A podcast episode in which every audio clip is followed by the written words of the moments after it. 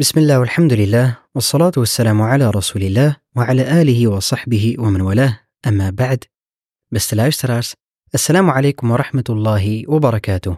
Welkom bij aflevering 33 van onze reeks Een kijk in het leven van de profeet sallallahu alayhi wasallam. In de vorige aflevering zijn we geëindigd bij de samenkomst van de vooraanstaande van Quraysh in Dar al-Nadwa, het raadshuis van Quraysh. Men kwam over het algemeen samen in Dar al-Nadwa om daar beraad te slaan over de grote zaken zoals politiek, economie en defensie.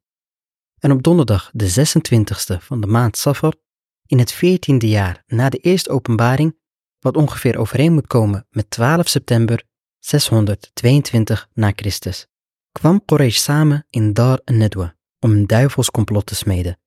Een complot dat ging over het afrekenen met de profeet sallallahu alayhi wasallam. Dit complot was zo slecht dat zelfs de shaitaan deze vergadering wilde bijwonen. Want zoals we in de vorige aflevering hebben gehoord, de shaitaan verscheen in de gedaante van een oude man uit de Najd en voegde zich bij het gesprek dat ging over de toekomst van de profeet, in de hoop natuurlijk om hem van wijze raad te voorzien.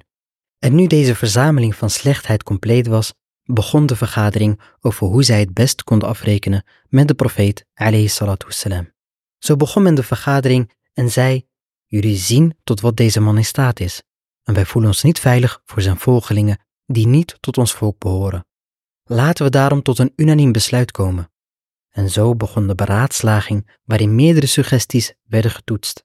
Zo zou Abu Bakhtari hebben geopperd, laten we hem gevangen nemen en hem vastketenen, zodat hij in gevangenschap dezelfde dood zal sterven als de dichters voor hem, Zoheer en een Nabiga. De oude man uit de Najd, waarvan we inmiddels de ware identiteit hebben vastgesteld, vond dit geen goed plan. Hij zei, nee wallahi, dit is geen goed voorstel. Als jullie hem in hechtenis nemen, dan zal dat uitlekken en dan zullen zijn metgezellen hem komen bevrijden. Vervolgens zullen zij in aantallen zo toenemen dat ze jullie de baas worden. Dit is geen goed plan. Kom met een ander idee. En zo konkelden zij verder om met een beter plan te komen. Abu Aswad kwam vervolgens met een ander plan. Laten we hem verjagen en hem verbannen uit onze stad. Als hij de stad heeft verlaten, interesseert het ons niet meer waar hij heen gaat en waar hij terecht is gekomen. Vervolgens kunnen we dan weer de eenheid herstellen zoals het was. Maar ook dit voorstel zinde de oude man uit de Najd niet. Nee, wallahi, dit is geen goed plan. Zien jullie dan niet hoe welbespraakt hij is, hoe zoet zijn redeneringen zijn en hoe hij de harten voor zich weet te winnen? Wallahi, als jullie dit doen, zullen jullie niet veilig zijn als hij neerstrijkt bij een stam van de Arabieren. Vervolgens zullen zij hem vanwege zijn mooie woorden volgen en zullen zij naar jullie toekomen en jullie vertrappen in jullie eigen stad. Daarna zullen zij de macht voor jullie afpakken en met jullie doen wat zij willen. Kom met een beter plan. Beste luisteraar, vergeet niet wie deze oude man in werkelijkheid is. Dit is degene die vanaf Adam alayhi salam ervaring heeft opgedaan in kwaadaardigheid en valsheid. En hij wijst met zijn ervaring deze plannen af omdat ze niet slecht genoeg zijn. En nadat de voorgaande ideeën van tafel zijn geveegd, kwam er een plan dat wellicht wel een kans van slagen had. Het idee werd voorgedragen door iemand die ook wel bekend staat als de Fir'aun van deze umma, Abu Jahl ibn Hisham. Hij zei, Wallahi, ik heb een idee waar jullie nog niet mee gekomen zijn. Waarop de aanwezigen zeiden, wat is dan jouw plan, ja Abu al-Hakam?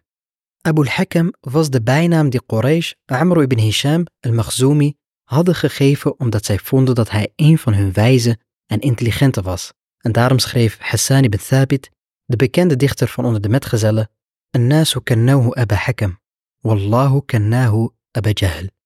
De mensen gaven hem de bijnaam Abu Hakam en Allah gaf hem de bijnaam Abu Jahl, oftewel de dwaas.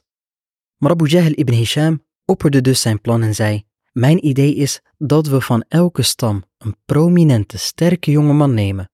Vervolgens geven we elk van hen een scherp zwaard. Vervolgens zullen zij samen op hem afgaan en hem met één slag doden en zullen wij van hem verlost zijn. Als we dat doen, wordt de bloedschuld verdeeld over alle stammen. Benu Abdul Manaf zullen dan niet in staat zijn om het tegen iedereen op te nemen en ze zullen akkoord gaan met bloedgeld als vergelding. De oude man zei hierop: Dit wat hij zegt is correct. Dit is het plan. Er is geen beter plan dan dit.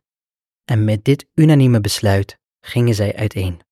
En laten we even stilstaan en beseffen wat daar op dat moment gebeurde. Dit plan genoot dus de goedkeuring en instemming van het toppunt van goddeloosheid en verderf. Als zelfs Iblis onder de indruk is van de kwaadaardigheid van je ideeën, dan ben je zeker neergedaald tot de diepste putten van verdoemenis. Mogen Allah subhanahu wa ta'ala ons alle behoeden en beschermen. Dit laat zien hoe duivels dit complot tegen de profeet alayhi was. Het was alsof de wereld was samengekomen tegen hem. Het plan was gemaakt, wat rustte was de uitvoering. En zo verzamelden de mannen van Quraysh zich in de nacht voor het huis van de profeet sallallahu alayhi. Ze waren aan het wachten op het moment om toe te slaan. In het huis lag ogenschijnlijk de profeet alayhi salatu wassalam te slapen gehuld in een groene mantel. En nu vraag je je wellicht af, waarom is men niet naar binnen gestormd? Ze waren er immers op uit om de profeet alayhi salatu wassalam te doden. Sterker nog, de muren van het huis van de profeet alayhi salatu wassalam waren niet eens zo hoog om te zeggen dat dat wellicht een reden was waarom zij dat niet deden. Al-Suhaili, rahimahullah ta'ala, zei hierover in Rodul Unuf dat sommige sira-geleerden hebben vermeld dat de mannen voor het huis van de profeet wassalam dat idee wel degelijk hadden. Maar toen zij op het punt stonden dat te doen, hoorden zij een vrouwenstem gillen. Hierop bedachten deze mannen zich, uit angst dat ze bij de Arabieren de geschiedenis in zouden gaan als de mannen die over de muur klimden bij hun eigen nichten en hun eer aantasten. En zo omsingelden zij die nacht het huis van de profeet, alayhi salatu wassalam, wachtend op het juiste moment om toe te slaan. Een benarde situatie waarin geen uitweg leek. De mushrikeen hadden met behulp van de shaitaan de perfecte moord voorbereid. En vanuit hun ogen was het slechts een kwestie van aftellen en dan waren zij verlost van hun probleem. Die kennis zorgde alleen maar voor meer hoogmoed en arrogantie. En als een opgeblazen kikker sprak Abu Jahl de mannen nog één keer toe en zei: Mohammed beweert dat als jullie hem volgen, dat jullie koningen van de Arabieren en Perzen worden. Dat jullie na jullie dood opgewekt zullen worden en tuinen zullen krijgen zoals de tuinen van de Jordaan. En als jullie dat niet doen, zullen jullie bestreden worden, daarna zullen jullie opgewekt worden en wacht jullie een bestraffing in het vuur. Plotseling verschijnt er voor hen een man en zegt: En zo is het, en jij bent een van hen. Zijn hand is gevuld met zand, en terwijl hij langs hen loopt, strooit hij over hun hoofden zand, terwijl hij de verzen van Sorat Yassin leest. En toen hij over al hun hoofden zand had gestrooid, liep hij ongehinderd weg, alsof er niks gebeurd was. Niemand had door dat er zojuist iemand voor hen was verschenen. Niemand had gemerkt dat iemand langs hen allen was gelopen en zand op hun hoofd had gestrooid. Op dat moment kwam er iemand langs die niet bij het complot hoorde en vroeg aan de mannen die nog vastberaden voor de deur stonden te posten, op wat zijn jullie aan het wachten? Waarop zij zeiden, Mohammed. Waarop de man antwoordde, Wallahi, jullie hebben gefaald.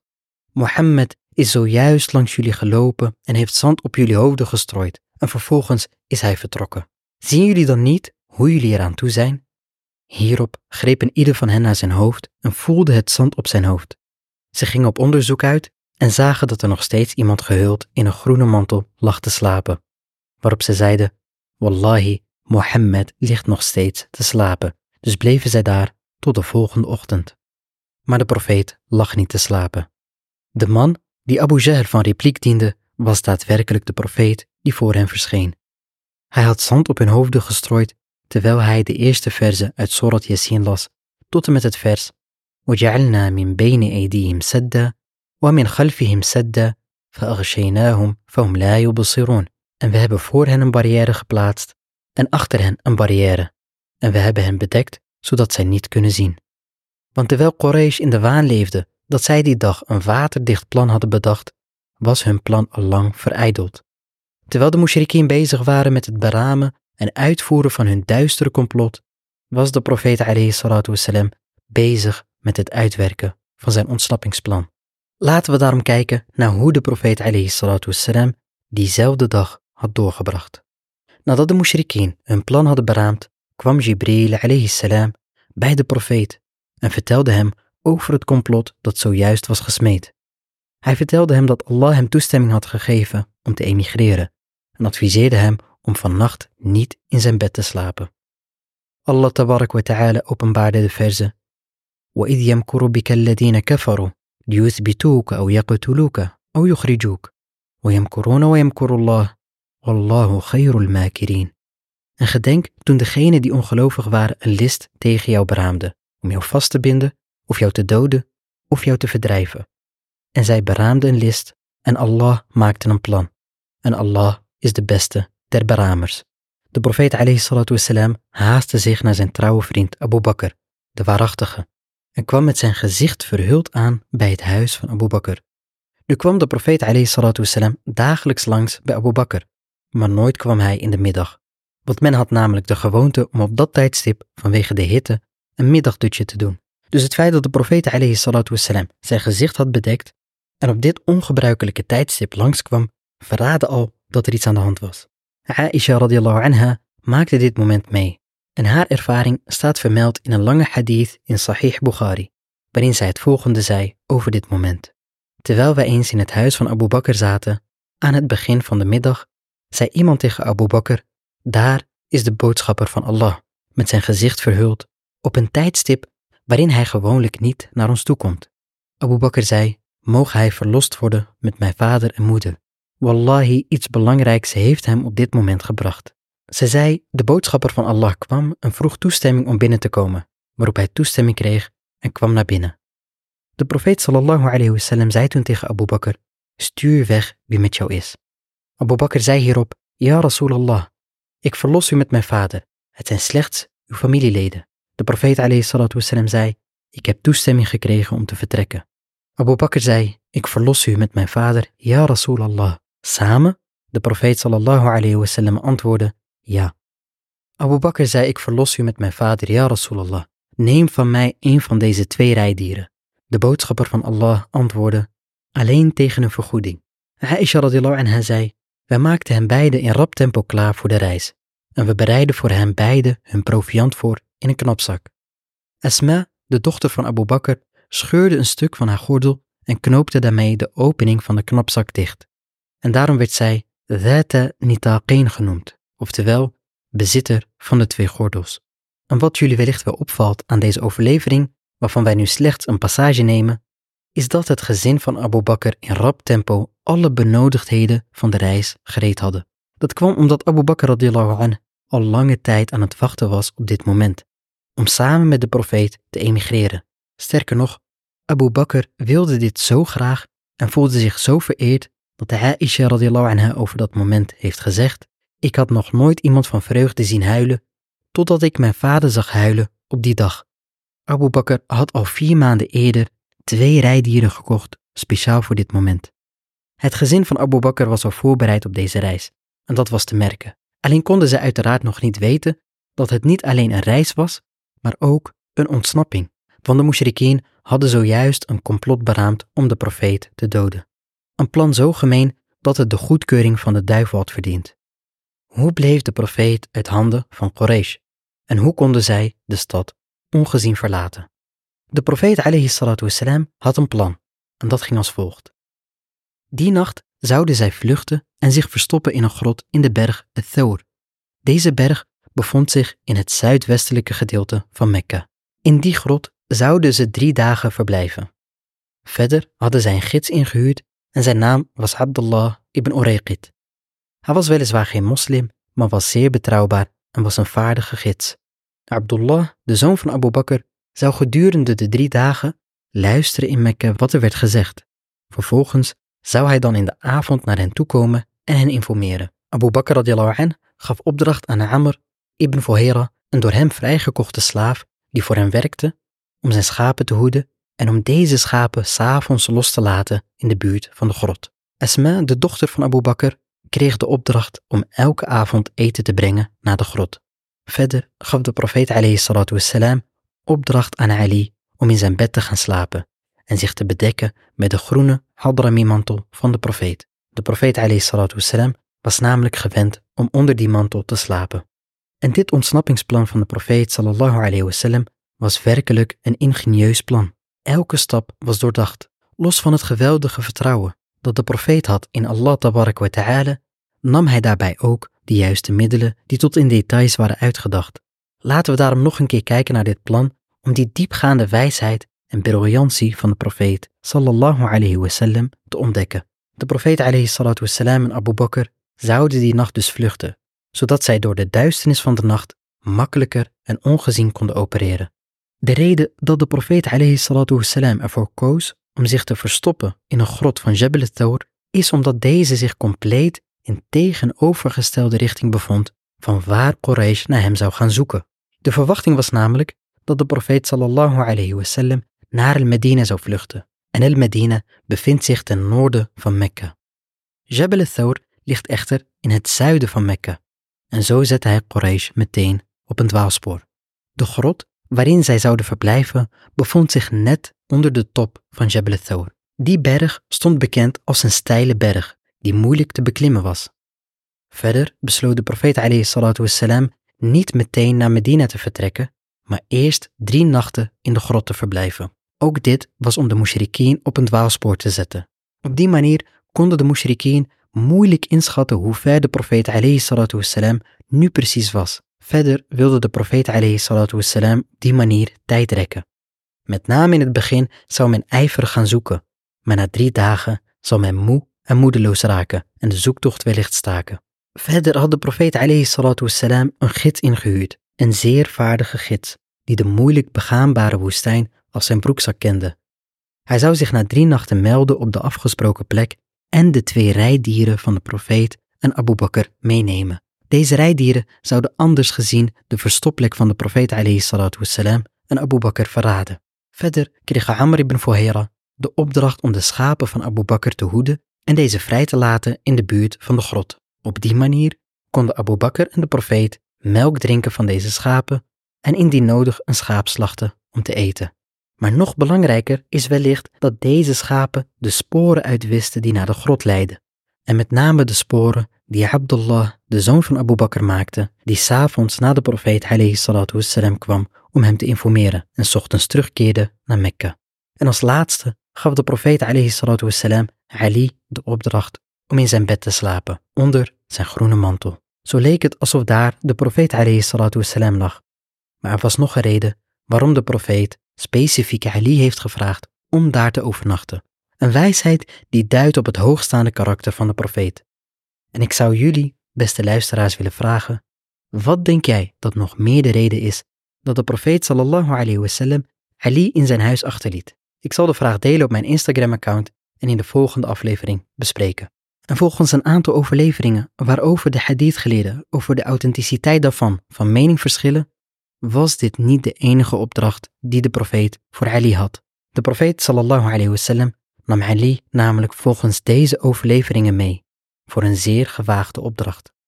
Een missie die duidt op het tawhid en een dapper hart. Want ondanks het feit dat de profeet sallallahu alayhi wasallam wist dat de mushrikeen er die nacht op uit waren om hem te doden, besloot de profeet samen met Ali naar de Kaaba te gaan. En toen zij bij de Kaaba waren, gaf de profeet Ali de opdracht om op zijn schouders te klimmen, om zo boven op de Kaaba te komen. En toen Ali boven op de Kaaba was geklommen, maakte hij het koperen afgodsbeeld los dat boven op de Kaaba stond en gooide het kapot.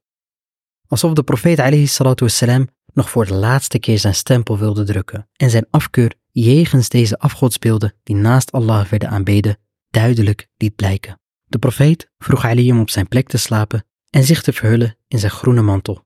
Ali, zo moedig en dapper als hij was, ging liggen op de plek van de profeet. En Ali ondervond die nacht aan den lijve hoe erg de treiteringen van de mushrikeen jegens de profeet waren. Zij waren namelijk gewend s'nachts stenen richting de profeet te gooien. En aangezien niemand doorhad dat hij degene was die op die plek van de profeet sliep, incasseerde hij deze bekogeling, alsof hij de profeet was. Zelfs Abu Bakr radiallahu anh, de beste vriend van de profeet, had niet door dat de profeet daar niet lag. En zo meldde hij zich die nacht bij het bed van de profeet en zei, Ja Nabi Allah, waarop Ali antwoordde, Nabiullah is al vertrokken naar Bi'r Maymoon. Ga snel naar hem toe. En zo vertrok Abu Bakr richting de profeet om zo samen met hem aan de ontsnapping te beginnen. Allah tabarak wa ta'ala heeft gezegd in de Koran: Innahum yakiduna kaida wa akidu kaida famahhil al-kafirina amhilhum ruwaida.